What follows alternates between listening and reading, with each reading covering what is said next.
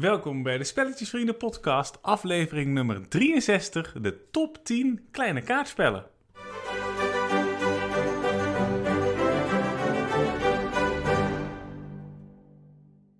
Jouw vorige TikTok-verhaal heeft een hoop losgemaakt in de samenleving. Ja, maar heel veel niet vissen nu in Nederland. Ja, eh, maar nu komt er weer een deel 2, of niet? Ja, maar het gaat niet over vissen, is dat fijn? Dat is goed, vertel. Het gaat wel over dieren, het gaat namelijk over honden. Wat leuk. In deze week, in Marieke zit op TikTok, eh, kwam ik in het algoritme van de chiropractors voor honden. Natuurlijk, dat ja, gebeurt. Ja, nou ik ga zelf eh, naar manuele therapie, dat is een soort fysiotherapie 2.0.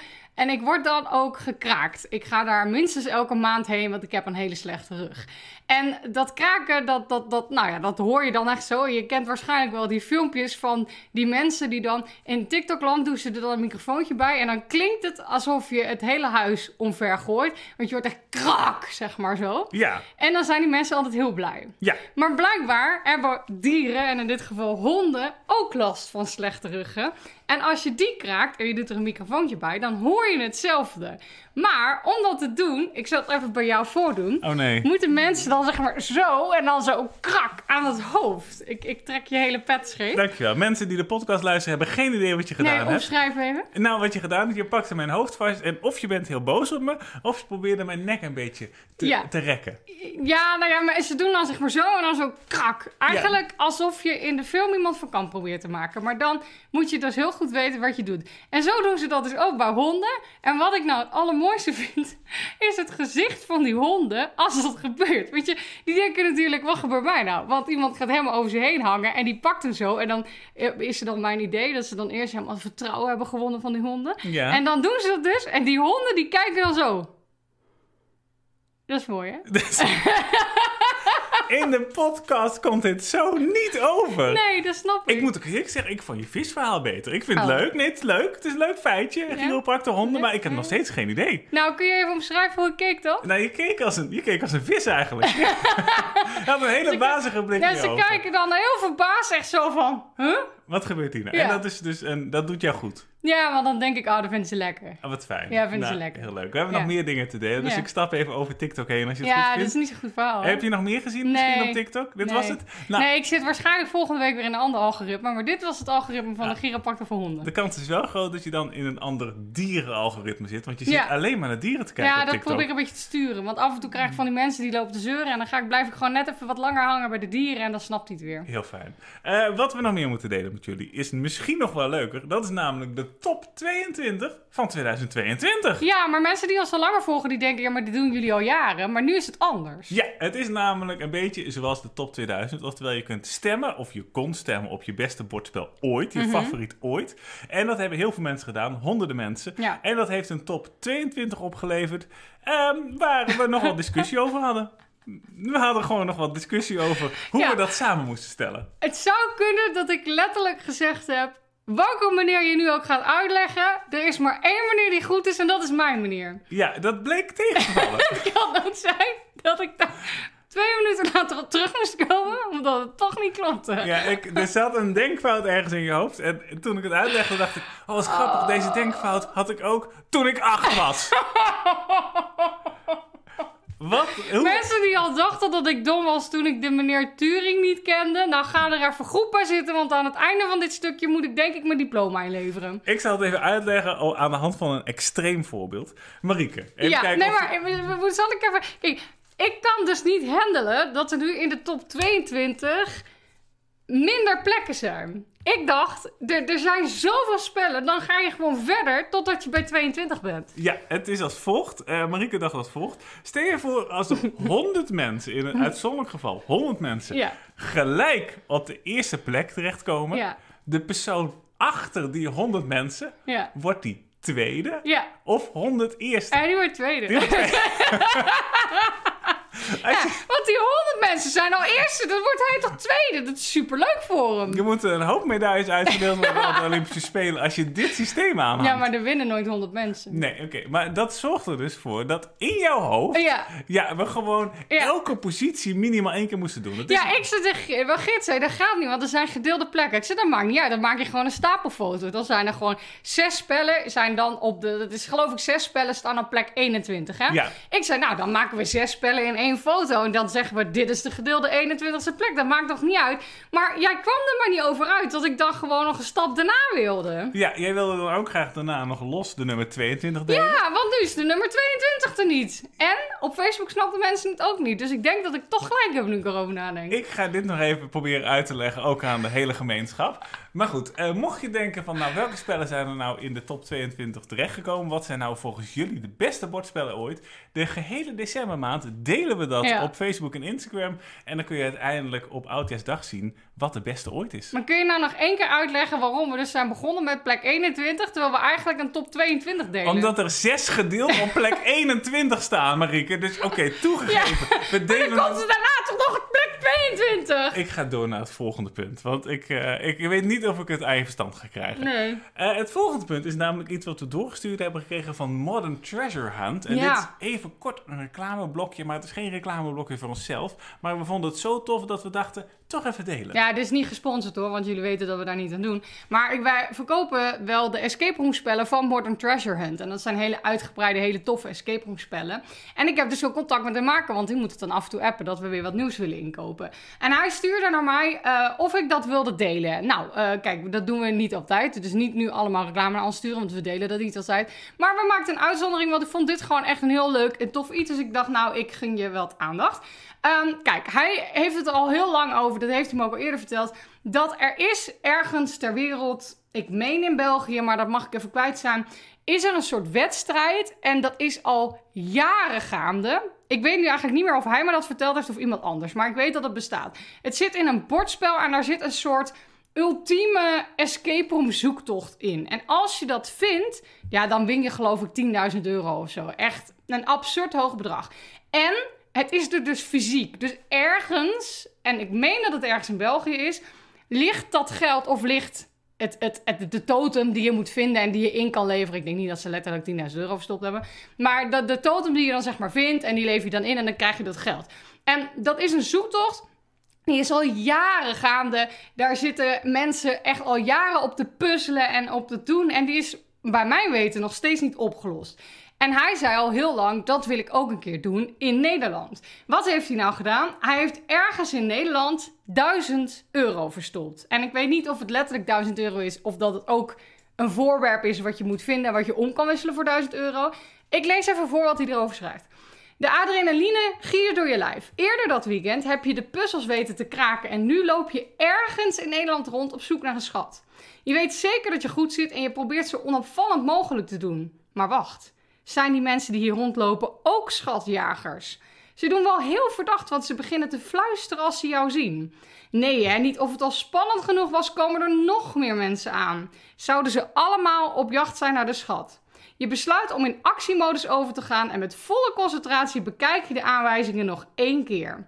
Nou, dit is dus hetzelfde idee en het gaat plaatsvinden in januari 2023. En de hoofdprijs is dus 1000 euro. En er zijn dus allemaal clues. Je moet hiervoor volgens mij tickets kopen.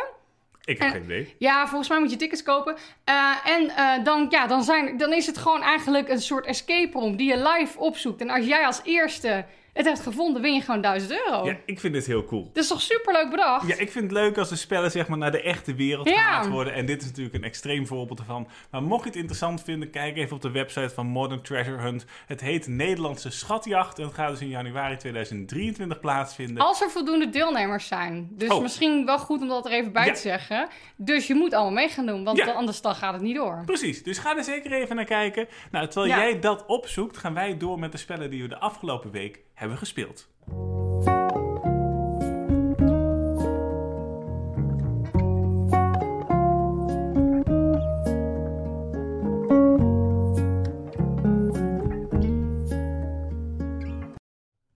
Ja, we hebben drie spellen gespeeld. Namelijk Three Sisters. Wel grappig dat die erin staat. Ja, Ehm, Mind MGMT en Caesar of Keizer. En dan is het wat is de ondertitel ook alweer? Want er kwamen op een gegeven moment drie Caesar-spellen tegelijkertijd uit. Ja, dit is Verover Rome in 20 minuten. Ja, dat is goed om er even bij te zeggen. Ja, precies. Laten we beginnen met de eerste, Three Sisters. Ja, nou, Three Sisters is eigenlijk een klein beetje het vervolg op Fleet Dice Game. Ja. Dus het is een dobbelspel en je zult zien dat je allemaal tracks hebt waar je op vooruit kan gaan. En dit keer ga je niet verschillende schepen opbouwen, maar dit keer ga je proberen je plant te laten groeien. Ja. En dat werkt met het volgende principe. Het zijn drie plantensoorten, waar ik even kwijt van ben welke het zijn. Maar pompoen is er één van. Ja, klopt. En eh, die schijnen heel goed bij elkaar te groeien. Met bonen, geloof ik, Met toch? bonen inderdaad. En je hebt dan aan de ene kant pompoenen moet je laten groeien. Aan de andere kant die twee plantensoorten. En die boon die gaat dan helemaal om die andere plantensoort heen. Dus Ja. die past perfect bij elkaar. En met dat principe is dit dobbelspel gemaakt. En je gaat dus eigenlijk proberen zo goed mogelijk jouw planten te laten groeien. Ja, en de mensen die Fleet kennen, Fleet the Dice Game dan, eh, die zullen veel dingen herkennen. Hè? Want er komen best wel veel dingetjes terug. Eh, bijvoorbeeld dat munten, spoortje. Volgens mij waren het hier in dit geval geen munten. Ik weet eigenlijk helemaal niet meer wat het nou wel waren. Maar dat soort dingetjes zul je wel herkennen. En eh, er is ook een soort eh, plek, in dit geval is dat de schuur, de shed, waar je een soort van bonussen kan vrijspelen die bijvoorbeeld geldig zijn voor het hele spel. Dus dan kan je jezelf wat sterker maken of heel veel punten in één keer krijgen. Dus dat herken je eigenlijk wel van Fleet the Dice Game. Ja, en dit is dus, nou, het vervolg ziet er wat mooier uit. Het heeft Arthur Ja. van Beth Sobel, wat echt heel prachtig is eh, geworden, vind ik. Dus ja, ik vond het gewoon echt wederom, net als Fleet the Dice Game, een steengoed dobbelspel. Ja, zeker weten. En mocht je nou geïnteresseerd zijn in Three Sisters, we hebben hem nog niet in de shop helaas. Nee. Laat het even weten. We hebben wel contact met de maker. Misschien kunnen we hem rechtstreeks bij hun inkopen. Ja. Dus mocht je nou denken, ik moet het hebben, stuur gewoon even een berichtje. Want hoe meer mensen we hebben, hoe eerder we kunnen denken, hé, hey, we kopen gewoon bij die man rechtstreeks in. Ja, precies. En dat is überhaupt wel een beetje een dingetje. hè, Want er komen zoveel spellen uit momenteel. Ja, je kan gewoon niet alles inkopen. Want dan, ja, dan, misschien moeten we meedoen aan de Nederlandse schatjacht. Nee, met 1000 euro kom je ook niet zo ver. Met je- inkoop van spellen kom je dan niet zo ver. Kom je niet heel ver nee, inderdaad. nee. Wij hebben namelijk... Misschien alleen Three Sisters. Ja, gisteren hebben wij namelijk bedacht, oké, gaan we Oathsworn inkopen Ja. of niet? Daar waren we over aan het twijfelen. Nou, met 1000 euro ben je nog lang niet bij dat ene spel in de shop. Misschien wel interessant om te weten. Wat kost dat nou om dat in te kopen? Want even, voor de mensen die het niet weten. Oathsworn, dat wilden wij inkopen omdat Bastiaan van Bastiaan Nox er heel enthousiast over was van Nox Spellenzolder. Ehm, en eh, het is een, een, een Kickstarter geweest, hè. En eh, er zitten ook eh, eh, miniaturen bij, maar dit is een standee versie. Ja, precies. En het wordt extreem goed beoordeeld. En als je het hebt over extreem goed, het krijgt op dit moment op Kickstarter met meer dan 1000 beoordelingen 9,2. En het is gewoon een groot avonturenspel, coöperatief verhalend. Dus je gaat een verhaal doorlopen. Het schijnt heel goed omschreven te zijn en gewoon steengoed in elkaar te zitten. Maar wij dachten dus, misschien kunnen we die Kickstarter zakelijk inkopen. Want eh, nou, dan is het voor mensen misschien zelfs nog wel goedkoper. Dat lukt soms. Nou, hier konden we maar 10% korting krijgen als we hem inkochten. En Dat is echt heel weinig. ja, en waarschijnlijk is dat super logisch, omdat het gewoon zo'n episch spel is, konden ze het niet goedkoper aanbieden.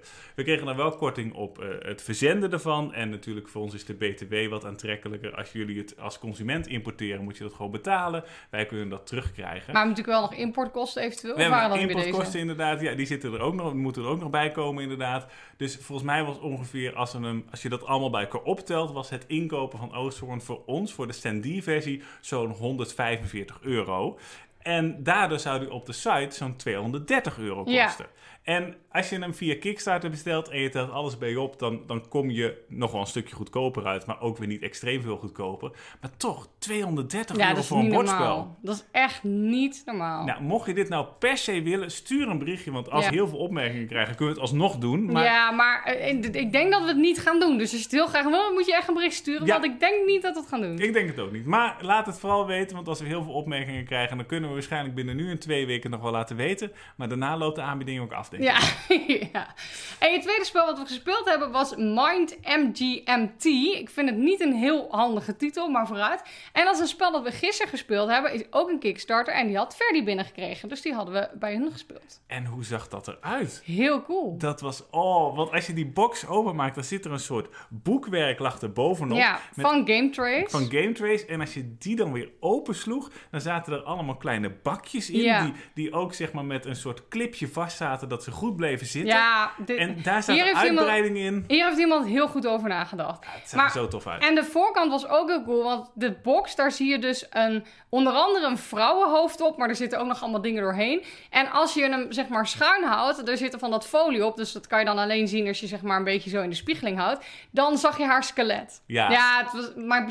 Maar wat voor spel is het? Het is een soort Skull and Yard on steroids. Ja, wat is namelijk het idee? Je hebt één iemand die probeert eigenlijk te ontsnappen. Ja. Maar die probeert daarnaast ook zoveel personen eh, aan te spreken. Want als hij volgens mij negen personen weet aan te spreken, dan wint die persoon het spel. En als die gevangen Ja. wordt, dan winnen de andere spelers het spel. Maar wat moet je dus doen? Je krijgt kaarten met erop symbolen die je moet gaan zoeken. En die zijn eigenlijk verzameld of over de eh, kaart zijn die op allemaal plekken neer terechtgekomen. En je moet zo gaan lopen dat als je tenminste degene bent die probeert te ontsnappen, dat je die symbolen, dat je daar langs gaat. En de andere spelers moeten door slim na te denken, bedenken waar die ene persoon is en op dezelfde plek gaan staan. Ja, en dit principe kennen we natuurlijk al van onder andere Scotland Yard, maar ook van Whitechapel. En er zijn best wel veel van dat soort spellen waarbij je iemand moet zoeken.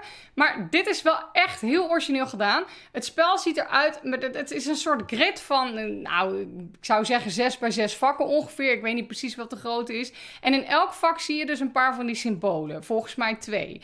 Eh, bijvoorbeeld een symbool was billboards. Dus over een paar vakken op dat bord zie je dus billboards. En degene die dus er langs moet lopen, en stel je voor, die heeft die billboards, die moet dan dus proberen om zoveel mogelijk billboards langs te gaan, zodat hij daar personen op kan pikken, omdat dat zijn overwinningsmechanisme is. Maar eh, je weet natuurlijk niet waar diegene loopt. Wat je wel weet is eh, waar die afbeeldingen zitten, want die staan namelijk gewoon op het bord gedrukt. Dus als zoeker, en in dit geval waren we met z'n drieën de zoeker, was het 1 tegen 3 ook een keer.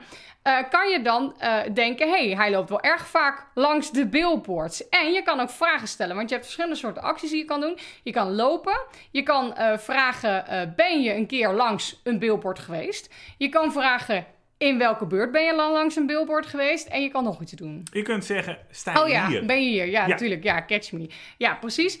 Ehm, en eh, dan is het dus ook nog heel tactisch. Want stel je voor, je bent twee keer langs een billboard gelopen... en iemand vraagt wanneer ben je er geweest... dan ga je natuurlijk degene aangeven die het eerst heeft gedaan... zodat er zo min mogelijk informatie wordt prijsgegeven. Nou, er zitten allemaal prachtige tokens bij... waarbij je een beetje kan ja, nagaan hoe diegene gelopen kan hebben. Dus daar kan je een soort van pad mee gaan vormen... waarvan jij denkt, oké...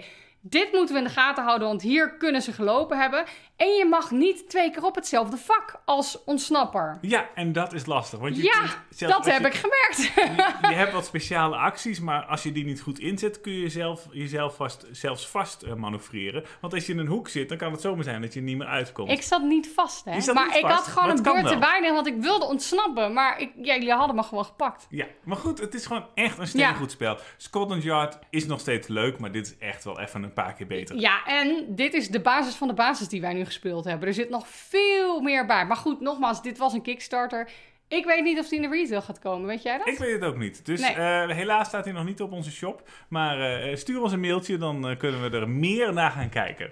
Mensen krijgen zoveel huiswerk deze aflevering. Het derde spel wat we gespeeld hebben is Caesar. Hebben we ook bij Ferdi en Saskia gespeeld. Maar dit is wel gewoon een spel wat wij in de shop hebben. We hebben hem alleen zelf niet. Nee, en we hebben hem in teams gespeeld. En eigenlijk kan dat niet. Het is normaal een twee-spelerspel. Ja, maar, ze maakt wil. niet zoveel Ja, uit. het is een beetje lullig als wij hem dan met z'n tweeën gaan spelen en zij daarnaast gaan zitten kijken. Klopt. En dus eigenlijk was het ook wel chill, want nu konden we gewoon, jij was met Saskia, ik was met Ferdi, konden we een beetje aan de hand meegenomen worden. Want Ja. zij hadden hem al een paar keer gedaan, dus zij waren er al heel handig in. Precies. Nou, wat is het idee? Het is eigenlijk een soort area majority spel, maar met een heel Ja. slim mechanisme. Want normaal is het zo dat als je een gebied probeert te veroveren in een spel, dan leg je er bijvoorbeeld een token op met waarde 5 en dan heb je 5 kracht in dat gebied. Het leuke hier was, is dat je tokens op de grens plaatst. Dus dan zijn er twee gebieden die aan elkaar grenzen. Jij plaatst een token op de grens en op de token staat bijvoorbeeld, je hebt 5 kracht in het rechtergebied en maar 3 kracht in het linkergebied. En dat zorgt er dus voor dat je heel tactisch na moet denken, hoe leg ik dat token neer? Op welk symbool mag ik hem neerleggen? Want er zijn verschillende symbolen en verschillende tokens met symbolen. En hetzelfde symbool moet op hetzelfde symbool liggen. Dus dat was gewoon heel veel tactische keuzes. In 20 minuten ben je echt wel klaar. Ja. Echt heel slim. Ja, want het is dus de bedoeling dat je als eerste eigenlijk je fiches kwijt bent. Je hebt naast die tokens waarmee je dus gaat veroveren, heb je ook, nou, ik denk een stuk of tien fiches die je kwijt moet spelen. En die fiches raak je kwijt door dus gebieden te veroveren of door specifieke iconen te veroveren. En op die manier kan je dat heel tactisch spelen en kan het in één keer heel snel gaan. Want jullie hadden op een gegeven moment, aan het begin gingen Verdi en ik heel snel. Toen hadden jullie nog acht fiches en toen knipperde ik met mijn ogen, toen hadden jullie er ineens nog twee. Ja, je kunt wel een motortje opbouwen. Ja. Want als je naast elkaar gelegen gebieden weet te veroveren, dan mag je daartussen ook nog een extra fiche plaatsen van die Ja. fiches die je kwijt wil. Dus ja, je kunt een lekker motortje opbouwen. Ja. Het kan opeens heel snel gaan en daardoor is elke beurt spannend. Ja, precies. En ik vind het dus ook heel leuk dat ze het zo gestuurd hebben met die fiches. Dat je niet elk fiche overal neer kan leggen. Waardoor je heel tactisch na moet denken. Ik vond het echt een verrassend leuk spel. Is dus echt een twee-spelerspel. Goed twee-spelerspel. Ik meen dat het het vervolg is op Blitzkrieg. Maar dat weet ik niet 100% zeker. En dit is dus Caesar... Wat is de ondertitel? Verover Rome in 20 minuten. Ja, maar anders als mensen op Caesar zoeken, dan weten ze het nog Ja, niet. dan krijg je veel meer Ja. eh, keuzes inderdaad. Maar dan moet je voor deze gaan. De Ja. Nederlandse versie, hij is in het Nederlands uitgekomen, Ja. is gewoon een heel erg goed Ja, twee-spelerspel. echt een leuk spel. Dus eh, ja, misschien wil ik hem zelf ook wel. Snap ik. Eh, wij gaan door naar het volgende item. En je zult merken dat tijdens deze podcastaflevering we behoorlijk wat vragen hebben van jullie. We gaan nu naar de dat jij steeds toe. vraagt of iedereen ons mailt. Ja, nou, dat doen ze. Daar ben ik heel blij mee. We gaan dus naar de mechanismen toe met een vraag van Manon.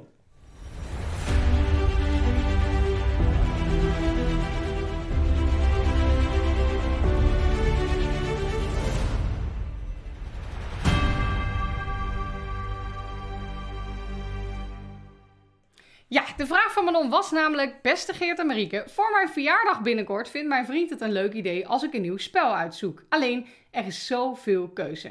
Het resultaat? Heel veel naar jullie podcast luisteren, heerlijk en lekker veel inspiratie. Maar ik kom er nog niet helemaal uit. En ik vroeg me af of jullie in de podcast misschien het mechanisme marktwerking. Is dit een Nederlands woord? Dit is een Nederlands woord. Ja. Oké, marktwerking zouden willen behandelen. Ik weet niet of het de juiste term is, maar ik bedoel het mechanisme van vraag en aanbod in Clans of Caledonia.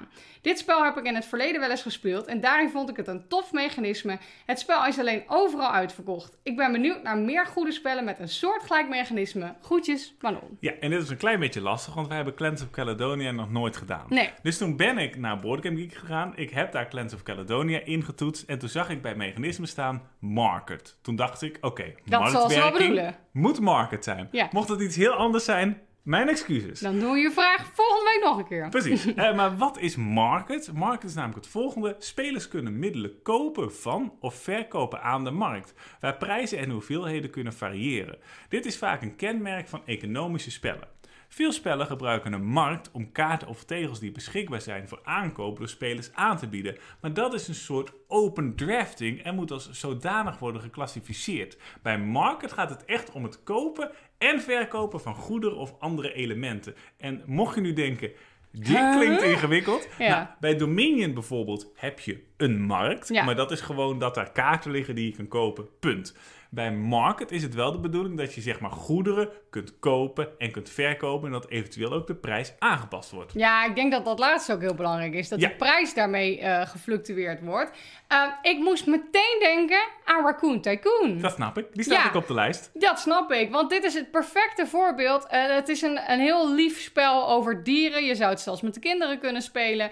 En je gaat allerlei dingen bouwen, maar om dingen te bouwen heb je grondstoffen nodig. En het is dit keer eens een keer geen worker placement spel, maar je moet eh, grondstoffen verzamelen met die marktwerking. Door kaarten af te leggen en door grondstoffen te verkopen, zodat je daar weer andere grondstoffen van kan kopen. En dan wil je natuurlijk de grondstoffen verkopen als hun prijs heel hoog is, want dan krijg je namelijk per grondstof heel veel geld. Maar je wil ze kopen als een, als een grondstof per grondstof heel goedkoop. Ik kom er niet meer uit. Leg jij maar uit. ik geniet ervan. Je zit me ook aan te kijken zo van, nou ga maar, spring maar in het diepe.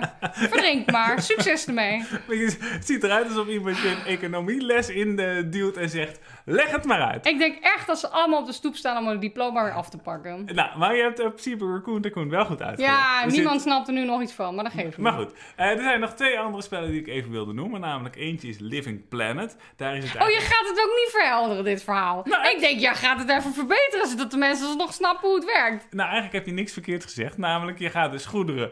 ver- je gaat... Ik ben nu zelf ook in de war. Gaat, Ja, doe jij dat maar eens. Succes ermee. je gaat goederen verkopen als de prijs hoog is. Ik en, gooi geen reddingsboei. en als je eh, de goederen verkoopt, dan gaat de prijs naar beneden toe. Dus dat is weer slim. Dan kun je later goederen Inflatie. inkopen voor een lage prijs. Zodat je uiteindelijk een winst maakt. Ja. Ja. En wat Eh, doe je dan? Nou, dan ga je met die winst ga je dus die gebouwen kopen. Oh ja. Ja, er zijn nog twee andere spellen waar het in zit. En daar is het een beetje een onderdeel van. Bijvoorbeeld Living Planet heb je dat ook. Dan ga je door allemaal rampen op een levende planeet. Ga je proberen allemaal grondstoffen te verzamelen ook. En ook die grondstoffen kun je weer kopen en verkopen door een markt die telkens de prijs aanpast van die grondstoffen. Eigenlijk vind ik altijd een beetje... Raccoon Tycoon is een beetje de basis-familieversie die er prachtig uitziet. En die ook leuk is voor expertspelers hoor. Maar wel echt een familiespel is.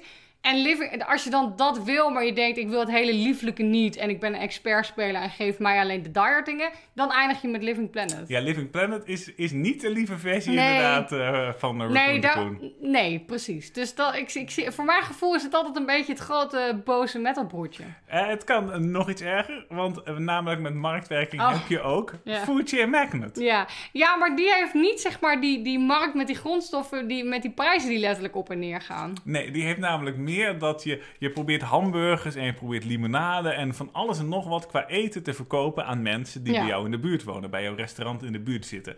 En het is meer dat de prijs kan veranderen door slim te adverteren. Ja, precies. En het is, eh, het is een spel. eh, het gaat een beetje in de jaren 50. En je bent dus allemaal een food chain magnaat. Dus je, je bent een, een, een- een, een fastfood magnaat. En je gaat proberen om zoveel mogelijk van jouw eh fastfood te verkopen. Dus je bent in principe in de basis of een hamburgertent of een pizzatent. Maar je kan gaandeweg het spel wisselen of allebei gaan verkopen of een heel gek restaurant worden.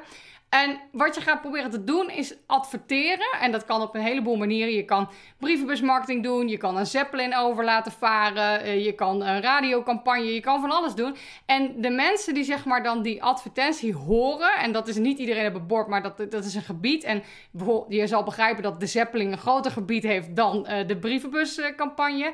Die willen dan het eten wat jij geadverteerd hebt. Dus stel je voor, jij hebt voor een hamburger geadverteerd. Dan willen mensen een hamburger. Dat is perfect als je ook een hamburger verkoopt. Maar wat je dus gaat doen, is proberen mensen niet alleen een hamburger te laten kopen, maar ze willen ook limonade. En dan is jouw concurrent, die alleen de hamburger had, ineens verleden tijd, want ze willen nu een hamburger met limonade. En als je dat dan niet aanbiedt, dan kopen ze dus bij een ander. Dus zo kan je dat heel tactisch spelen. Ja, ja ik snap niet helemaal waarop hij op de lijst staat, want hij is er namelijk niet. Dat klopt. Al heel lang niet. Nee, maar ik heb er een klein nieuwtje over. We kregen vorige week namelijk een mailtje. Niet. Nou, nee, Oh. dit is ni- niet positief worden nu. Het mailtje zei namelijk, hij heeft vertraging en eh, het komt niet voor de kerst. Oh, maar hij is er, er komt dus wel weer ooit. Er komt een nieuwe druk van Food Chain Oh, ik Ja. dacht dat dat ook nog een twijfel was. Nee, nee, er komt een nieuwe druk. Oh, dus wat dat is fijn. heerlijk. We hebben ook gepreorderd. Maar er zijn zoveel mensen die Ja. dit willen, wat helemaal terecht is, dat je je echt even in moet schrijven. Ja, de grap is, dit spel is gemaakt door Nederlanders. En dit spel sta, is al jaren, wordt het supergoed beoordeeld. Maar ze produceren er nooit veel van. Nee. Dus als ze er een druk van hebben, dan is hij altijd zo weer uitverkocht. En terecht, want het is ja, echt het is een steengoed. briljant. Maar, want het klinkt misschien een beetje vrolijk, maar het is wel echt een expertspel. Ja, en dat het is ook... even bij. Het is keihard. Ja, het is, het is keihard. Want inderdaad, jij gaf net een random voorbeeld van... stel je voor dat een Ja. restaurant alleen hamburgers aanbiedt... en je gaat opeens adverteren met limonade... en daardoor komen ze bij een ander restaurant terecht. Dat is een letterlijk voorbeeld waarbij ik de zielige hamburgerverkoper Ja, was. Ja, ik snap ook niet waarom je er maar in blijft trappen. Ja, Maar, want het is veel meer dan dit. Want je hebt ongeveer een miljoen kaarten die je voor je hebt liggen. En stel je voor, Geert heeft dan die hamburger en die limonade. Dan moet je ervoor zorgen dat jij goedkoper bent. Want dan kopen ze alsnog bij jou. Ja. Of als je eenmaal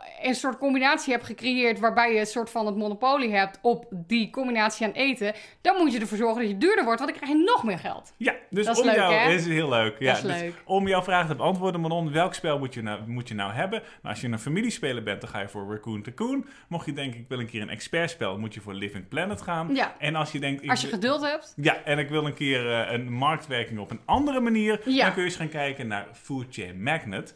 Eh, dit was de mechanisme. Gaan we weer naar het meest spannende onderdeel van de podcast, de Random Game Generator.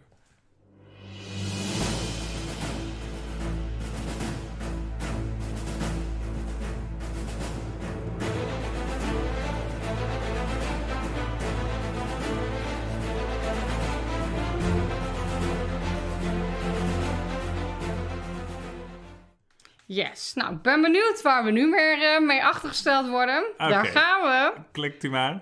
Dungeons and Dragons. Oh. Dat is, dat is niet een kleine knaker Oh, die die we zag ik pakken. je. Heb je die TikTok gezien die ik jou door had gestuurd? Nee. nee, dat dacht ik al. Wat is er gebeurd met de TikTok? Nou, ik had hem gestuurd in de D&D-app. Of was het een Instagram reel? Dat kan eigenlijk ook Oh wel. ja, als je dat vanochtend gestuurd hebt, Ja. heb ik het nog niet gezien. Nee, dat, eh, nee, of gisteravond heb ik dat gestuurd, dat weet ik eigenlijk niet meer. Het, het ging over een oma die in 30 seconden uit ging leggen wat Dungeons Dragons is. Dacht, misschien kan ik het nadoen. Dat lijkt me heel het wordt dan niet belangrijk. grappig, maar dan hebben we wel in 30 seconden uitgelegd wat het is. Ja, want mochten mensen denken, normaal gaan jullie in drie minuten even een spel uitleggen. Ja. Ja, bij Dungeons Dragons is dat pittig. Maar Ja, dit is sowieso bijna onhaalbaar. doe je TikTok. Nou, zij deed, en de- even, ik doe nu iets na. Dus als het compleet generaliserend is, dan don't blame me, want ik citeer slechts. Dit is een citaat. Altijd een, altijd een goed Altijd idee. veilig. Ja. Ja, dit is een citaat van de oma van TikTok. Als je het TikTokje wil zien als bewijs, dan stuur ik je met liefde naar je door. Nou, dit was een oma die met een soort, nou eigenlijk die blik van die puppy bij de chiropractor uit ging leggen wat Dungeons Dragons was in 30 seconden. Ze zei, vroeger was het een spel voor 14-jarige jongens met nul sociale skills die in een kelder, dit klinkt heel Stranger Things, met dobbelstenen gingen dobbelen om sociale skills te krijgen in hun spel. Ja. Want we leggen dit later uit voor de mensen die geen idee hebben. Maar nu is het een spel waarbij volwassen mannen en, he- dit zei ze heel verbaasd, hele knappe vrouwen gingen dobbelen om nog meer sociale skills te krijgen. Maar Nou. dan zei ze het grappig. Ik snap het. Ja, ik zie een oma voor me. Dus Ja. je hebt het heel goed Ja, de, gedaan. verba ja, de verbazing was weer. Maar de verbazing lag bij haar vooral dat het vroeger, zeg maar, in haar ogen een beetje een spelletje was voor sukkeltjes. Ja. En dat het nu ineens hip is. Dat was vooral de verbazing van de oma van Ja, D&D. ik moet eerlijk zeggen, ik ben blij dat we in deze tijd leven. Ja, Want dat jij zei gisteren... hip is... Jij weet daar waar ik eh, ik weet waar je heen wil. Mhm. Naar Brad. Bre- ja, Maar Brad heet niet Brad, maar ik weet even... Hij Joey... Ah, hoe heet hij nou? Macchioli of zoiets. Ja, die, die lekkere van Magic Mike. Jullie Ja, kennen hem allemaal. Precies, hele knappe man met allemaal krulletjes. Hij is tegenwoordig wat ouder. volgens mij oprecht echt een hele leuke vent. Ja, is echt een lekker ding. Ja. Maar goed, die is dus vol aan het D&D. Ja. En die maakt er zelfs een documentaire over. Ik wil dat zien. Dat snap ik. Het is gewoon zeker weer op een of andere vage zender in Amerika dan. Ongetwijfeld. Op, Of maar goed. Target exclusive. Ehm, hoe dan ook, wat is Dungeons Dragons? Ja, jij mochten mensen het nog nooit gespeeld hebben, dan ga je Ja. nu denken, oké, wat is het? Nou, ik kan heel simpel een voorbeeld geven. En eigenlijk is dat in de basis al Dungeons Dragons. Stel je voor, er komt opeens een verhalenverteller je kamer binnen en die zegt tegen jou, je bent op dit moment in een grot. Er zijn twee deuren, eentje aan de linkerkant en eentje aan de rechterkant. Bij de linkerdeur hoor je een schreeuw vandaan komen. Bij de rechterdeur is het stil. Welke deur kies jij? De schreeuw. De schreeuw. Ja. Nou, je gaat naar binnen, dood.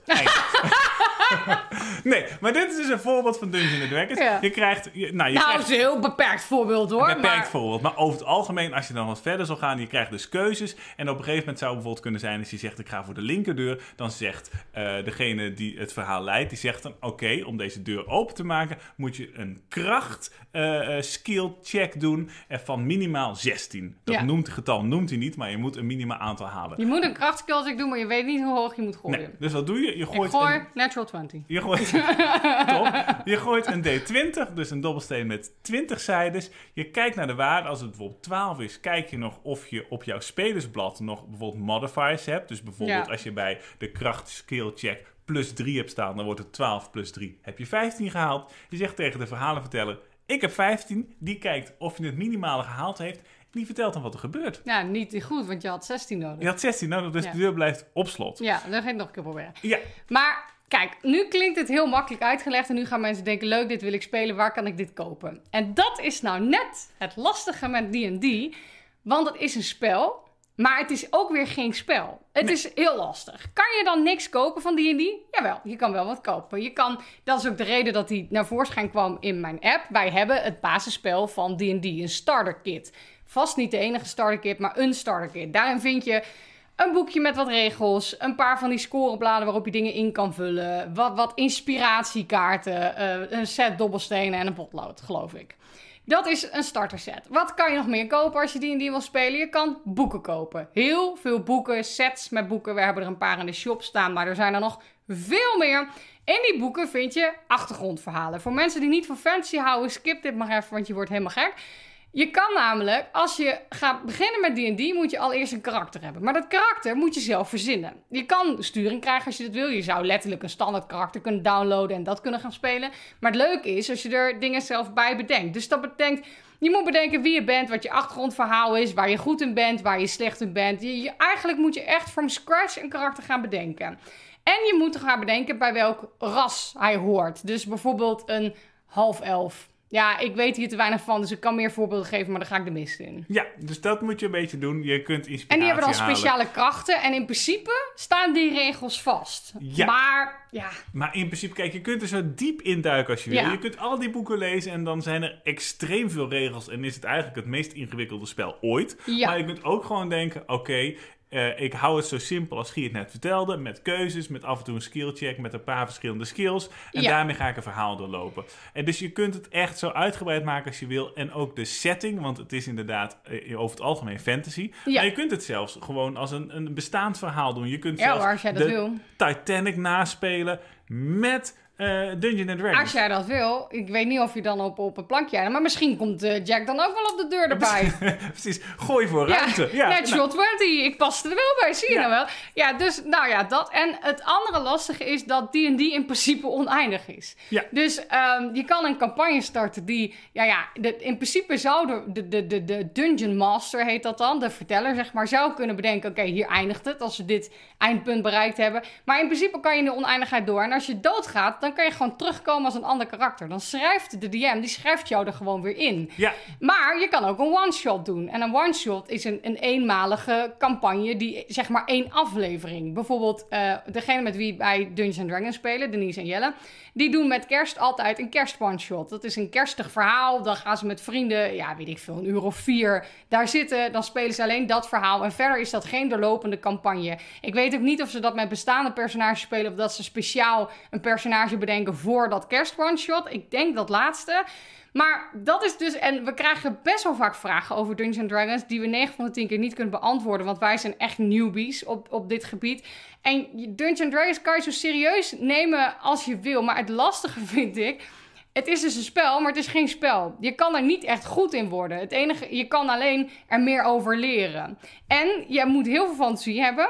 En je moet zelf bedenken wat je gaat doen. Want er is zeg maar niet, kies uit deze vijf acties. nee, En het is ook heel vaak, dan zijn wij aan het spelen. En dan heeft onze DM heeft hele verhalen bedacht over dingen waar wij helemaal niet komen. Omdat we gewoon niet op het idee komen om zulke dingen te doen. Ja, dus, dus Het is, eh, als, als jij een potje hebt, dan moet je zelf bedenken dat je dat potje gaat vullen met water uit de sloot wat daar is. Want misschien kan je daar nog wat mee. Maar ja, dan moet je net opkomen. precies. Het, het, het, het is heel ingewikkeld uitleggen aan mensen die het niet kennen. Nou, mocht je er meer informatie over willen hebben, dan Niet, heb ik nog niet bij ons komen. twee tips voor je. Je kunt even van Bord voor je kop, die Ja. heeft een serie erover gemaakt op YouTube eh, van een aantal afleveringen over de basisprincipes van Dungeons Dragons. Dus daar kun je even naar kijken. Ik zelf luister op Spotify Oh, luister naar een podcast, ik namelijk de. Adventure Zone. En eh, dat is wel een Engels, Engelstalige podcast, maar wel erg eh, leuk. Die is net zo oneindig als D&D zelf. Ja, die gaat maar door. Dus als je er interesse in hebt, Ja. kijk even naar die dingen. Dan gaan wij even een klein woordje van onze sponsoren voorbij laten komen. En daarna is het tijd voor ons nooit eindigende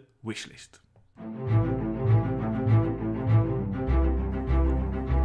Kom je binnenkort een spelletje bij ons spelen? In onze spelletjeswoonkamer staan bijna duizend spellen die je onbeperkt mag uitproberen.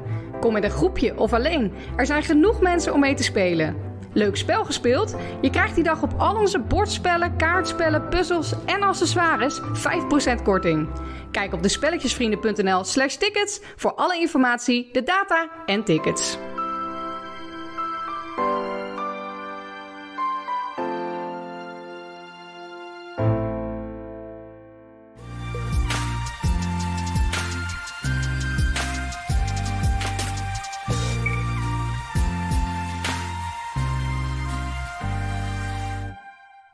Ja, dit spel hebben we ooit voorbij laten komen. Wat zie jij nou iets lachen?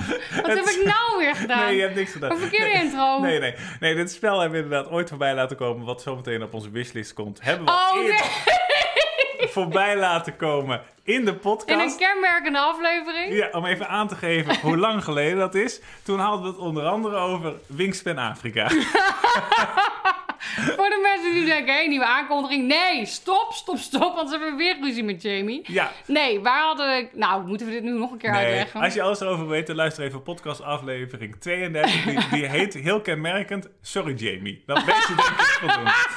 Maar goed, eh, dit gaat dus over het spel Weather Machine. En Ja. in een podcast aflevering 31 keken we even naar spellen die Ja. in de toekomst uit gaan komen. En het komt dus niet. Ja, misschien ooit, maar Ja. het was dus een foute aankondiging. Maar deze dus wel, namelijk. Weather Machine is het nieuwe spel van Vital Lacerda en Ian O'Toole. Vital Lacerda is de designer en Ian O'Toole eh, die heeft het artwork gemaakt. Ja, En gelukkig, want dat helpt. langzaam dat mensen hem binnen gaan krijgen. Ja, maar is het een Kickstarter geweest dan? Het is volgens mij een Kickstarter geweest. Ah, nou, ik zal even voorlezen. Natuurrampen behoren straks tot het verleden, riep professor... Waarom is dit nou weer zo'n naam die ik niet uit kan spreken? Seni Latief, projectleider uit de meteorologische manipulatie bij Lightning Technologies. Hoe verzint hij dit nou weer? hè? Ja, Tests van zijn nieuwe uitvinding, de Weather Machine, liet positieve resultaten zien. Visioenen van het bedwingen van overstromingen, het bedwingen van cyclonen en het beëindigen van droogtes deed hem glimlachen. In Weather Machine ben je de wetenschappers in het team van professor Latief die knoeien met het lokale weer. Regen aanpassen voor boerderijen, wind en, en heldere grond behouden voor ecologische energiebronnen en de temperatuur aanpassen voor resorts en sportevenementen. Het prototype is tot nu toe behoorlijk effectief. Er is echter een patroon ontstaan dat een zorgwekkend neveneffect onthult. Elk gebruik van de weermachine verandert namelijk ook de omstandigheden elders op de planeet. Een vlindereffect. We moeten een nieuw prototype bouwen, kondigde hij aan. Maar deze keer gaan we het goed doen. De overheid financiert dit en het gaat ons lukken. Zoals professor Latief het plan uitlegt, is de noodzaak om leveranciers voor voldoende bots en chemicaliën te vinden hoog. Naast de materialen is tijd van essentieel belang. Je moet gefocust en effectief zijn. Ik vermoed dat Sandra het komt checken. mocht je denken wie is Sandra, die zit in Kanban EV, een ander spel van eh Vital Lacerda. Maar ja, dit is wederom een expertspel met, vind ik, een tof thema. Ja, dit is bizar. Ja, Zou dit- toch cool zijn als dit bestond? Ja, dat zou heel cool zijn als dit bestond. Maar ik denk dat het goed is Dat, het niet bestaat. Ja, dat denk ik ook. Want dan zou jij hier non-stop sneeuw overen, terwijl de buren denken, Ja. hallo, het is zomer. Ja, bij mij geen eh, klimaatverandering hoor. Nee, ja, ja. of misschien de andere kant op. Dat zou nog kunnen. Marika luidt een nieuwe ijstijd in. Ja. Dus eh, ga er even naar kijken. Hij komt hopelijk bij ons in de shop ook. Maar Weather Machine ziet er weer goed uit. Oh, we gaan er niks over zeggen verder. Nou ja, ik weet er niet zoveel van. oh, top. Nou, Behalve wat dat een, het- wat een goed eh, georganiseerd eh, item. Maar het is wel belangrijk dat we even doorgaan namelijk. Want Oh. we moeten nog een volledige top 10 ja. afgaan. En dat is ook weer op basis van een vraag. Ja. Dit keer van Elon.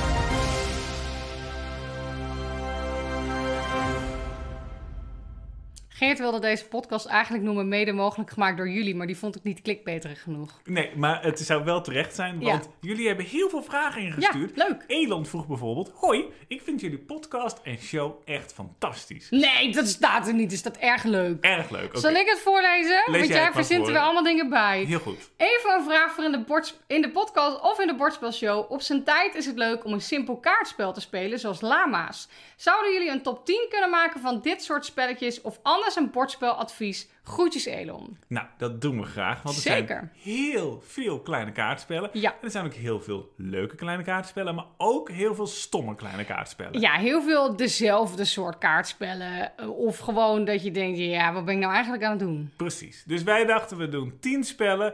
En, nou, wel een goede volgorde, maar je kunt er een beetje over discussiëren eh, welke leuker is. Want sommige zitten echt dicht bij elkaar. Maar op nummer 10 hebben wij een klassieker, namelijk Saboteur. En we hebben volgens mij ook nog geprobeerd om spellen te noemen die we niet zo vaak noemen, toch? Ja, eh, een beetje. Oké.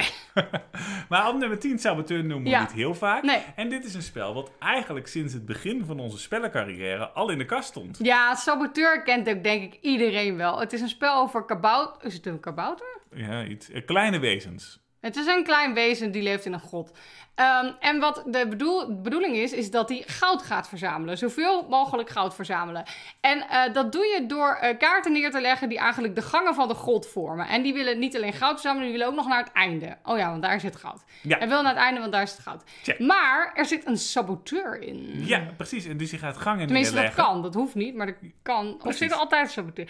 Leg je het maar weer uit. Het gaat heel goed. Ja. Eh, de saboteur die gaat natuurlijk gangen neerleggen die niet naar het goud leiden. Ja. Maar je weet niet wat voor kaart iemand in handen heeft. Dus iemand kan een kaart neerleggen die de andere kant op loopt, maar kan ondertussen zeggen: Ja, jongens, ik heb niks beters. Nou ja, en je gaat natuurlijk niet met kaart 1 al als soort van uitdelen van... hé, hey, hallo, ik ben de saboteur. Want dan gaat iedereen je tegenwerken. Ja. Je wil natuurlijk de geheime saboteur zijn. Dus Precies. je wilt niet te overduidelijk doen aan het begin. Nee, dus je wil eigenlijk dat de laatste kaart die gespeeld kan worden, dat je daarmee het voor Ja. iedereen verpest. Dat Ja. is het leukste.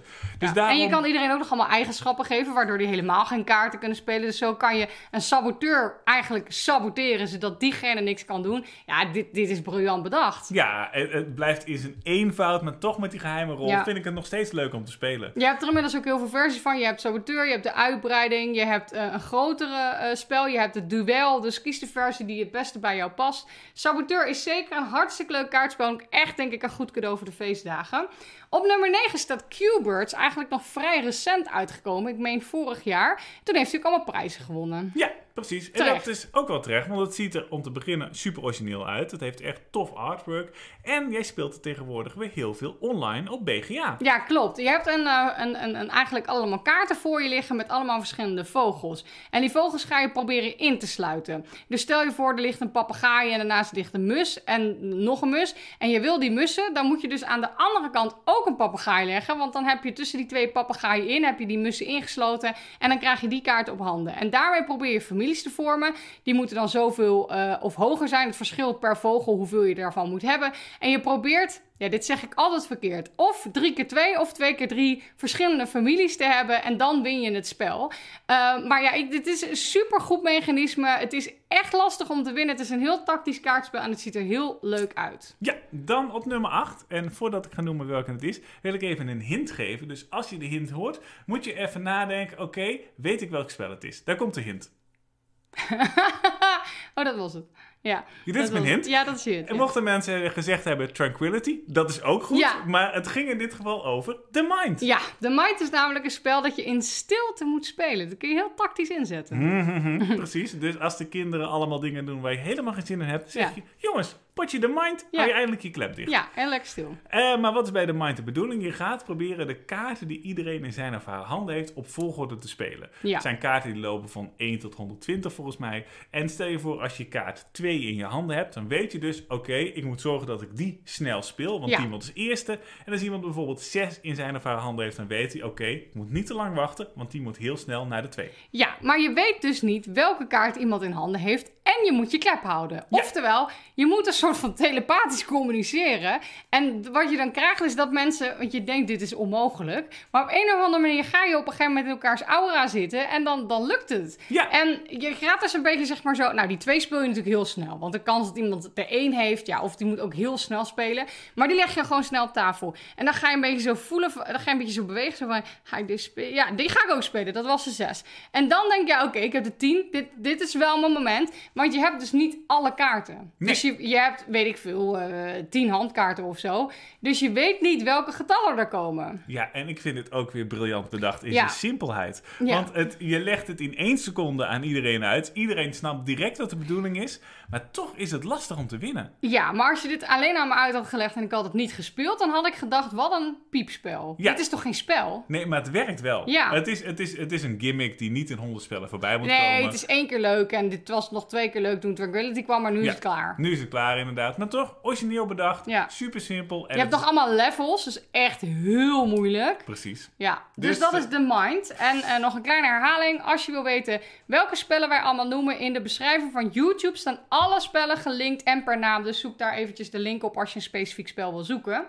Op nummer 7 staat Point Salad. Ja, en die hebben wij in de bordspelshow uh, twee uitzendingen geleden voorbij laten komen. Omdat we een beetje boos waren. En niet op Point Salad, nee. maar op Vegetable Stock. Dat is een spel wat binnenkort uit gaat komen. Dat gaat ook over groenten en wat bijna hetzelfde artwork heeft. Ja, echt. Het is eigenlijk gewoon Ctrl-C, Ctrl-V. Dus Ja. dat is heel stom voor Point Salad. Ja, Maar Mhm. Point Salad zelf is heel leuk. Heeft ook veel prijzen gewonnen. Heeft ook veel prijs gewonnen, dat is terecht. Want je hebt eigenlijk, je gaat proberen groentes te verzamelen. Groente en fruit ga je Ja. proberen te verzamelen. En je probeert daarnaast rekening te houden met zoveel mogelijk doelstellingen. Ja. Maar het leuke is, die doelstellingen staan op de andere kant van het groente en fruit. Dus er zijn extreem veel doelstellingen die elk spel anders zijn. Ja, en je hebt dan je hebt een, een grid voor je liggen met, ik geloof, drie doelstellingen. En dan nog een 3 bij 3 groente- en fruitarsenaal. En je kiest elke beurt, eh, ik geloof, of twee kaarten of één doelkaart. En als je zo'n doelkaart, daar staat bijvoorbeeld op, voor elke tomaat krijg je twee punten. En voor elke banaan krijg je min eh, drie punten. Dus vanaf dat moment wil jij tomaten en wil je geen bananen. Of je hebt een combinatie van een mandarijn en een banaan, levert je vijf punten op. Dan wil je zoveel mogelijk mandarijn en bananen. Maar wat je dus probeert te doen, is zoveel mogelijk fruit te verzamelen wat je wel wil. Maar ja, goed, je bent wel afhankelijk van het aanbod. En zo min mogelijk fruit van het fruit dat je minpunten oplevert. Maar soms overlappen doelen elkaar ook nog. Dus dan heb je aan de ene kant pluspunten voor de bananen, maar aan de andere kant ook minpunten. Wat je ook kan doen als beurt, is één doelkaart omdraaien. Dan staat er dus aan de andere kant een groente of fruit. Maar eh, dan is dat doel weg. Dus dan heb je je minpunten weggespeeld. Nou, en op die manier probeer je zoveel mogelijk punten te verzamelen. Ja, super slim, heel eenvoudig. Ja. Het is echt zo'n klein kaartspelletje. Dus Point Salad is super leuk. Het zijn allemaal kleine kaartspellen, want dit is de top 10 kleine kaartspellen. Dat klopt, maar sommige zijn net iets groter. Oh. Maar de volgende niet, dat is namelijk Similo. Want dat zijn echt volgens mij maar 30 kaarten. Dus Ja. het is echt heel klein. En in Similo ga je proberen met z'n allen coöperatief erachter te komen welke kaart een andere speler heeft uitgekozen. Dus je hebt een grid van 4 bij 3 van allemaal karakters of van allemaal dieren. En de één speler heeft één kaart uitgekozen. En die gaat hints spelen met andere kaarten waar karakters op dieren op staan. En die eh, speelt die hints als volgt. Of hetgeen we zoeken lijkt op de kaart die gespeeld wordt. Of hetgeen we zoeken lijkt helemaal niet op de kaart die gespeeld wordt. En zo moeten de andere spelers kaarten wegstemmen tot uiteindelijk er nog maar één overblijft. En als het goed is, degene die we zochten. Maar wat het lastige is, is dat je niet weet wat er dan wel of niet lijkt. Dus stel je voor, jij speelt een kaart met lijkt op deze kaart. Dan kan je bedoelen, dit personage heeft blond haar. Het personage wat ik bedoel heeft ook blond haar. Maar je kan ook bedoelen, dit is een beetje een kaart met veel roze kleuren. De kaart die ik bedoel heeft ook veel roze kleuren. Dat zeg je er natuurlijk niet bij, want dat mag je namelijk niet zeggen. Dus het is heel moeilijk. Soms denk je echt, oh, of, of weet ik veel, die heeft een opvallende neus. Of die heeft, eh, je kan ook nog denken, want je hebt verschillende soorten van Similo. Je hebt mythen, je hebt sprookjes, je hebt dieren, je hebt eh, nou, van allerlei soorten. Je kan ook nog denken, dit is een bad guy in een sprookje. Mijn kaart is ook een bad guy. Maar als ik dan denk dat jij het over de kleuren hebt, dan stem ik natuurlijk de verkeerde kaart weg. Dus je moet ook een beetje aanvoelen met, oké, welke hint zal er nou bedoeld worden? Ja, en dat is heel erg leuk. Ja. Maar wel pittig. Het is Heel moeilijk. echt moeilijk om te winnen. Want er zijn dus 12 kaarten. En om die ene uiteindelijk te hebben is best pittig om te halen. Maar Similo, ja, met al die uitbreidingen die er ook zijn, dat blijft Ja. echt overeind. Ja, het blijft echt overeind. En dus inderdaad, wat nog leuker is, is dat je ze kan combineren. Dus dan doe je de mythes en de sprookjes en de dieren door elkaar. Ja. Dan wordt het helemaal leuk. Eh, dat mag trouwens ook echt hoor. Dat is niet een, een gebbetje. Eh, op nummer 5 staat Port Royal. Ja, en als je Heel de goed. Big Box koopt, dan is het geen klein kaartspel. Maar je kunt ook gewoon het basisspel kopen. Dat is nog wel een klein kaartspel. Het is een push-your-luck spel. Dus je gaat kaarten omdraaien van de stapel. En je twijfelt telkens op, welk moment moet ik stoppen. Je gaat, moet namelijk stoppen op het moment dat je twee schepen hebt van dezelfde kleur. En je kunt ze niet verjagen.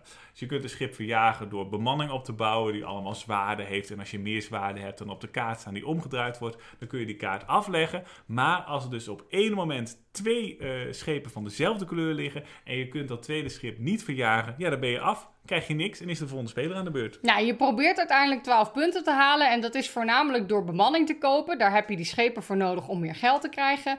Eh, en door doelen te halen. Dus een combinatie daarvan. Eh, het kaartspel is al superleuk. Er is ook een uitbreiding. Maar die zitten beide met daarbij nog een uitbreiding en een campagneverhaal in de big box. Dus als je het gevoel wil van een klein kaartspel, maar je wil wel heel veel variatie. Dan zou ik zeker prijstechnisch voor de big box gaan. Want dat is gewoon, eh, die is net dit jaar uitgekomen bij 99 Games.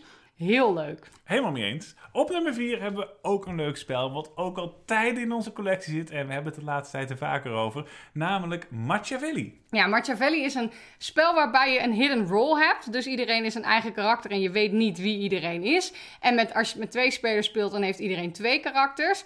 Ehm, en die karakters hebben allemaal een eigenschap. En per ronde heb je andere karakters, maar je weet dus niet wie diegene gekozen heeft. Je hebt bijvoorbeeld de moordenaar, die moordt een ander karakter uit. Dus dan kan die die eigenschap helemaal niet uitvoeren. Je hebt de dief, die steelt uh, geld van de andere karakters. Als je tenminste raadt wie het karakter heeft, want anders heb je niks.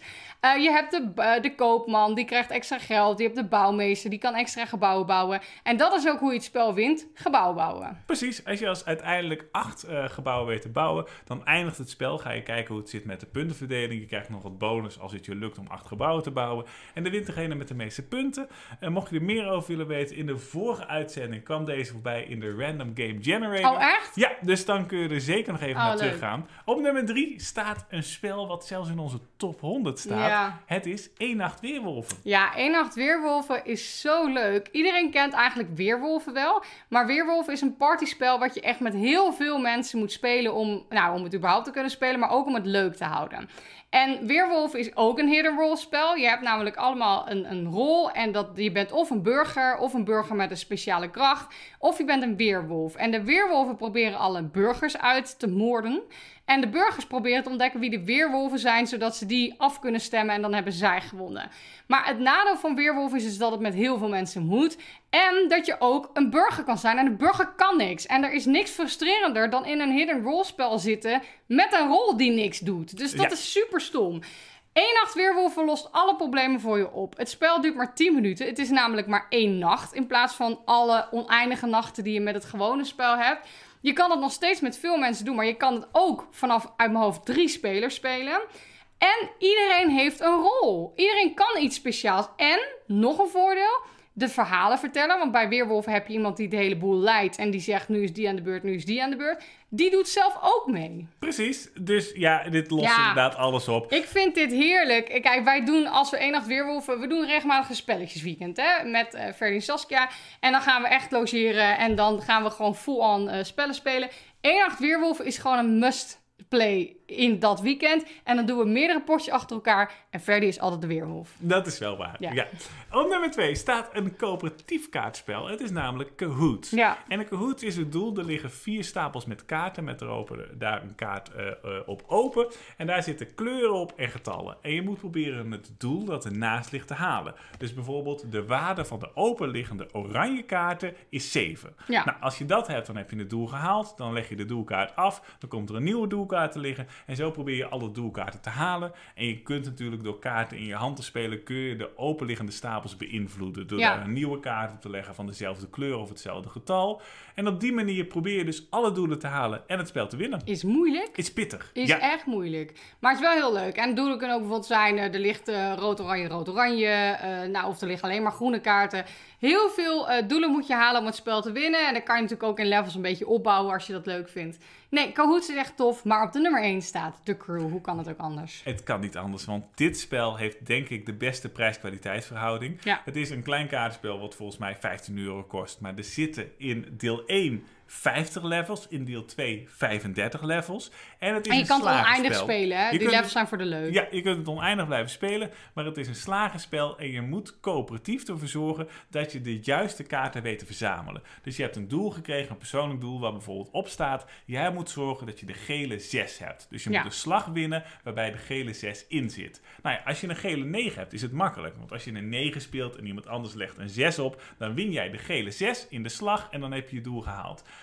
Maar als je bijvoorbeeld alleen maar een gele 4 hebt, dan moet je dus door slim andere kaarten te spelen, alle hogere waardes uitspelen en zo met andere kaarten die gele 6 weten te winnen. Ja, want je moet dus als iemand een kleur opgooit, moet je volgen. Dus je Ja. moet ook die kleur spelen, tenzij je die kleur niet meer in je handen hebt. Want dan kan je hem niet spelen.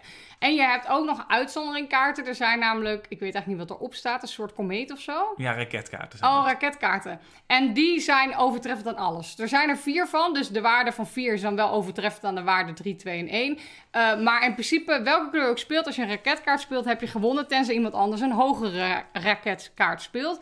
En zo probeer je dus coöperatief dat iedereen de juiste doelen wint. En dat is aan het begin heel makkelijk. Dan, dan duurt een potje echt twee minuten.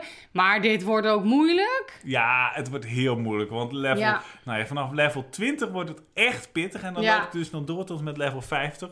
Dus ga zeker even kijken naar de crew. Want dat is gewoon voor 15 heel euro. goed. Ga je geen betere koop krijgen.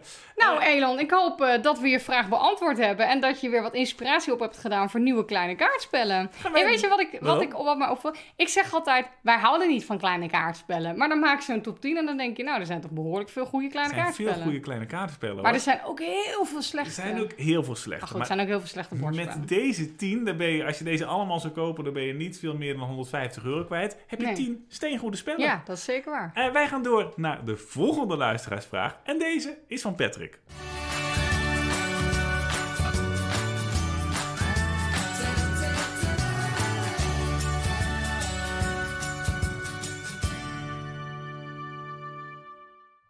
Ja, nu de echte luisteraarsvraag. Die komt dus van Patrick deze keer. Hij stuurde net jullie laatste podcastaflevering geluisterd. Jullie hadden het over Kickstarter en de prijs van spellen. Oh, dit is een recente vraag. Hele het gaat recente echt vraag. over de laatste. Precies. Ehm, ik had het hier pas ook over, maar dan bij uitbreidingen. Wij hebben pas geleden Eldorado ontdekt. Dan bedoelt hij dus de zoektocht naar Eldorado.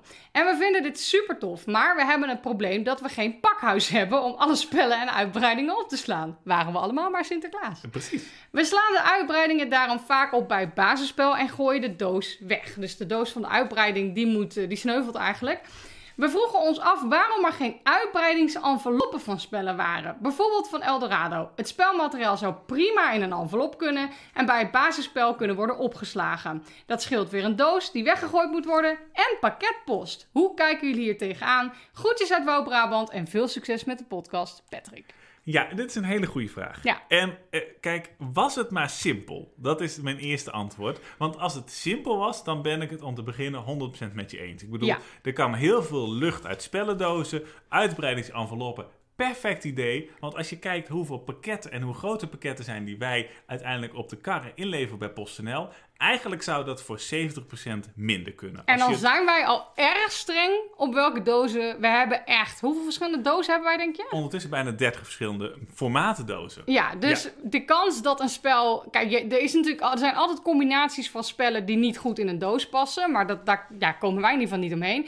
Maar met 30 formaten dozen komen we een heel eind dat we de meeste spellen gewoon. Nou, bijna één op één kunnen verpakken. Ja, maar het probleem zit dus dat in de speldozen de lucht zit. Ja. Dus kijk, soms is er wel eens een doos op. Dus als je soms iets binnenkrijgt en denkt, dit had krapper gekund, dan kan het zijn dat een van die 30 formaten op is. Maar over het algemeen proberen we dat inderdaad te doen, dat daar weinig lucht in zit. Maar als je als Eldorado als voorbeeld pakt, een uitbreiding ervan. Ja, in principe zijn het een paar tegels, een paar kaarten. En had het ja, toch wel 60% kleiner gekund. Ja, nou ja, er zijn natuurlijk meerdere redenen die Patrick waarschijnlijk zelf ook al wel bedacht heeft waarom dit eh, gebeurt.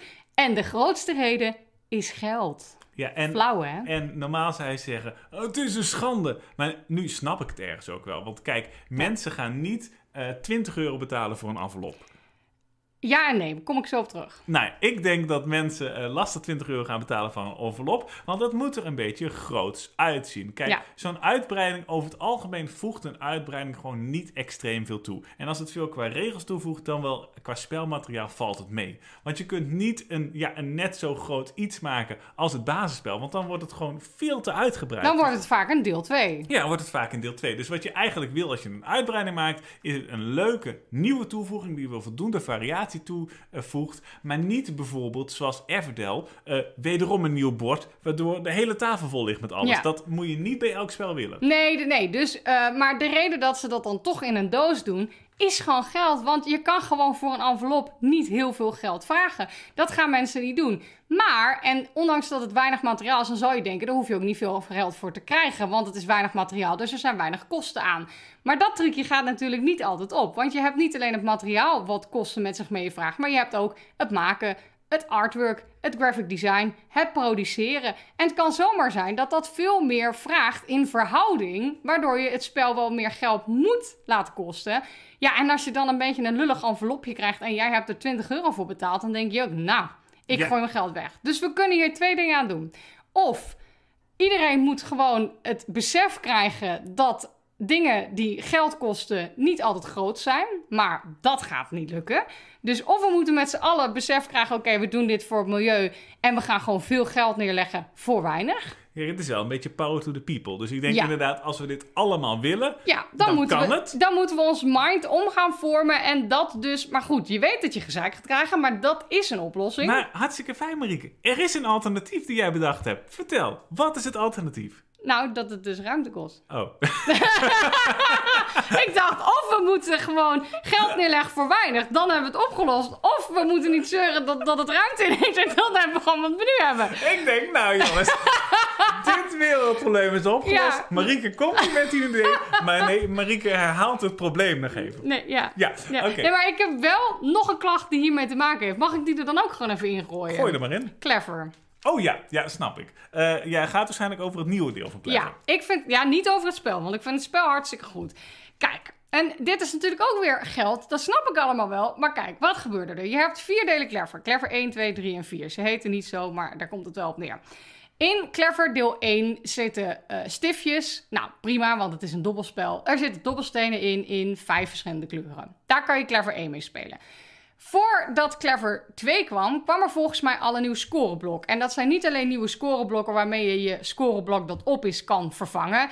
Kijk, dat is al dat je denkt, oké, lamineer gewoon een blaadje van je scoreblok en dan hoef je het niet opnieuw te kopen. Maar goed, mensen willen dat misschien niet. En het is zonde voor het milieu, maar oké, nieuwe scoreblokken, prima. Maar er kwamen ook nieuwe scoreblokken die je kan spelen met het basisspel. Dus dan heb je eigenlijk een uitbreiding, een, een nieuwe Clever die je met deel 1 kan spelen. Hartstikke leuk, heet Clever Challenge. Nou, heb je gewoon een nieuw spel en je hoeft alleen een nieuw blokje te kopen. Top, niks meer aan doen. Zeker. Toen dachten ze, ja, maar dat levert niet zoveel geld op. Dus wat gaan we doen? We doen Clever deel 2. En dan doen we daar andere kleuren dobbelstenen in. Want dan kan je namelijk niet met Clever deel 1, kun je dit niet spelen.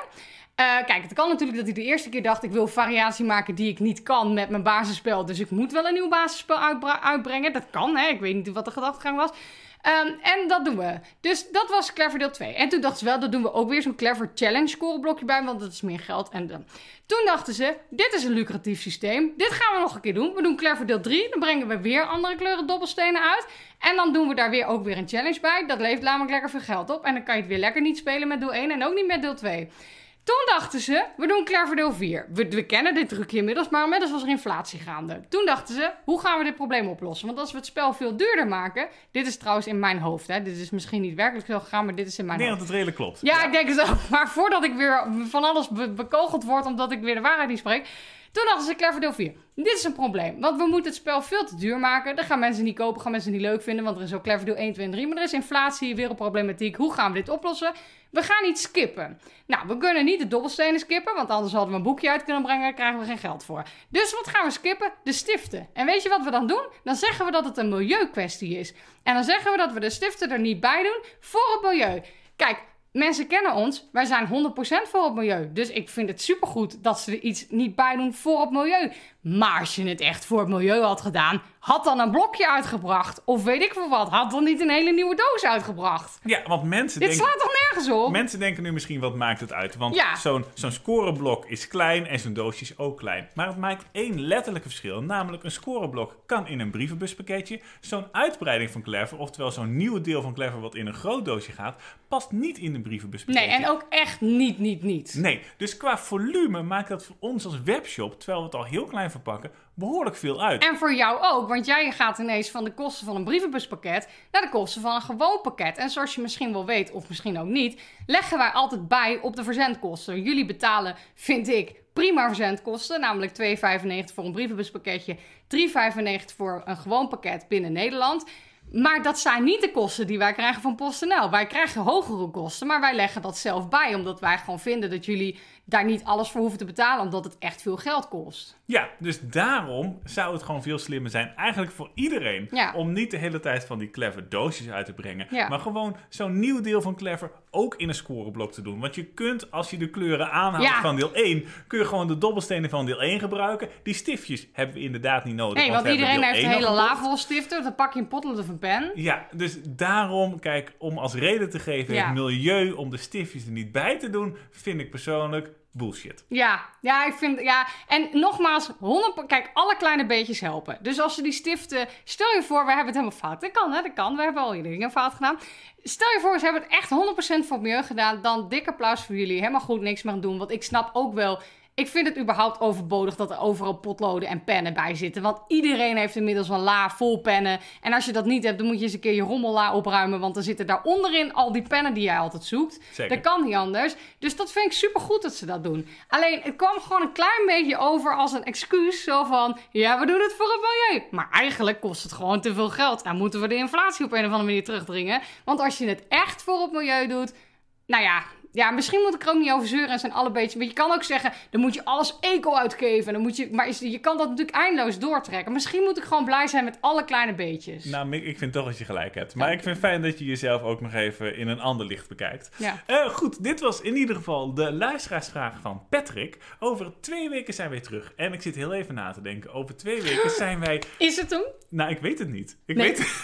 Pak Wacht, even we gaan even de agenda kijken. Ja, want het, het, het zal net wel of net niet de grote kerstspecial zijn. Het is altijd mijn lievelings. Net als de Sinterklaas bordspelshow. Het is, mensen, dan de grote Ja? kerstspecial. Nee, maar Ja. wacht. Over het- Ja, jij zeker. dit- gaat goed. Ja, ja. Ja. en de keer daarna is oud en nieuw. Ja. Dus waarschijnlijk vooruitblikken en terugblikken. Ja. Oh. En de keer daarna, vaak doen we, dit is misschien een spoiler, vaak doen we één aflevering terugblikken en één aflevering vooruitblikken. Ja, dus mocht je denken... Dan gaan we zeg maar Wingspan Afrika dingen bedenken.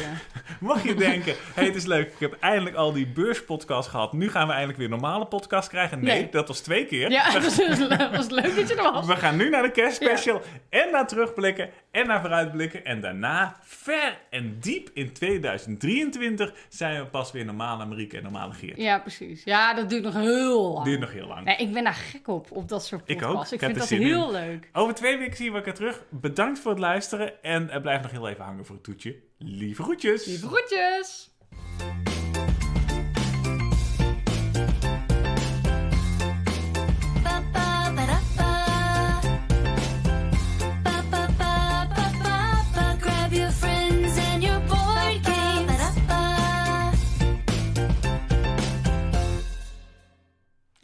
Krijgen we via Netta. Via Netta. Dat is toch altijd een toetje bij de kerstaflevering? Ja, nee, bij de kerstaflevering misschien wel. Dit is iets anders. Dit is Oh. namelijk verhaaltjestijd, een blunder van mijn kant. Oh, heerlijk. En ik ik- ga er even goed voor. En mensen denken misschien dat ik dit al weet, maar we vertellen dit soort dingen altijd expres niet tegen elkaar. Nee, het Dus is... Geert wist ook niet van de fantastische hondenchiropractor. Maar nu had ik wel. achteraf gezien wel even moeten zeggen, zodat hij had kunnen zeggen... skip dit maar voor de podcast, want dit is de moeite niet. Nee, ik vond het heel leuk om te horen. Dus bedankt voor je verhaal. Nu komt even eentje van mijn kant. Namelijk een blunder van mijn kant. En ik zal het even inleiden, zodat jullie misschien begrijpen hoe het precies komt. Namelijk, ik heb een tik. En mijn tik is dat ik altijd, als ik bijvoorbeeld een pak pak, dus een pak met drinken of een pak met vla, dan heb ik de neiging om dat pak te schudden. En- Oh, gaan we hierheen? Bij sommige eh, dingen is dat terecht. Bijvoorbeeld bij sinaasappelsap helemaal leuk, want al dat vruchtvlees gaat helemaal naar onderen toe. Ja. Dus als je het schudt, heb je tenminste normale sinaasappelsap voor mannen. Ja. Met vruchtvlees. Maar goed, kijk, dit is in het verleden wel eens verkeerd gegaan. Ik kan me bijvoorbeeld een, eh, een, een, een Sinterklaas bij je ouders herinneren. Dat ze zeiden, hey, we hebben dubbelvla. En wat ik niet wist, is dat zij alle moeite van de wereld gedaan hadden... om dat pak rechtop te vervoeren en rechtop in de koelkast neer te zetten... zodat Ja. de chocoladevla en de gewone vla... En de jam in het midden, hè? Want Ja. dit was heftig dubbelvla. ja, dat die gescheiden bleven, zodat het ook gescheiden in je bakje ja, terecht dan kun je zo'n mooi dubbelvlaatje Ja, maken. ik had die memo gemist. Ja, ja, ja, dat is helemaal zeker geweest. Ik was er eerst aan de beurt. Ik pak dat pak vla. En voor dit verhaal, let allemaal even op de vader van Marieke. Die deed de hond als de chiropractor. Ja, ik schud dat pak en ik denk, nou mooi, het zit door elkaar. Ja, ja, maar had je überhaupt door dat het dubbelvla was? Amper. Nee, geen, ik denk dat jij gewoon dacht, pak schudden. ja, Punt. precies. Dus dat deed ik, ik deed het erin. Ja. Die blik van je ouders vergeet ik nooit. Maar, Mijn vader dacht echt, wat gebeurt hier? ja, maar goed, oké, mijn fout, kan gebeuren. Ja. Sorry jongens. Maar pak schudden, dat is de memo. Ja, Ja, dat is memo. Eh, laat ging het iets erger. Namelijk, ik maak altijd, 's ochtends maak ik altijd smoothie voor ons. En smoothie bestaat uit drie verschillende gerechten. Namelijk aan de ene kant banaan, aan de Ja. andere kant diepvriesfruit. En deel 3, in een pak melk. Dus wat ik doe, Ik pak mijn melk en ik begin met mijn tik. Oftewel, ik ga dat Maar je hoeft schudden. melk niet te schudden. Ja, hoeft, maakt niet uit. Het zit in een pak, dus ik schud het. Dus ik schud die melk, maar ik had wederom één memo gemist. De dop zat er niet Ik op. had de dop er al afgehaald. het leek een mislukte SEMA-analyse van de kerstman, want de hele keuken was Wanneer is dit gebeurd? Ja, jij was boven. Ik denk, ik kan het noemen. Hoe lang was ik boven? Ik kan het ook bewaren voor de podcast. dus wat ik gedaan, die hele keuken schoongemaakt. En toen had ik nog net voldoende melk over om die smoothie te maken. Maar ik voelde me zo dom. Ja, dat is zoveel vrij dom. Ja. Wanneer is dit gebeurd? Ja, dit is een week geleden gebeurd. Oh, nou, je ruikt het niet. Je ruikt het Dus je niet. hebt Nee, goed schoongemaakt. Ik heb goed schoongemaakt. Eh, dus kleine tip, als je dingen schudt en je hebt dezelfde tik als ik, eh, prima. Check even de dop. Ja, check even de dop. Even uit Ja. je doppen kijken. Goed. Nee. Eh, over twee weken zijn we terug met de grote cash special. Oh, zin in. Zin in! Zin in. Bedankt voor het luisteren en tot over twee weken.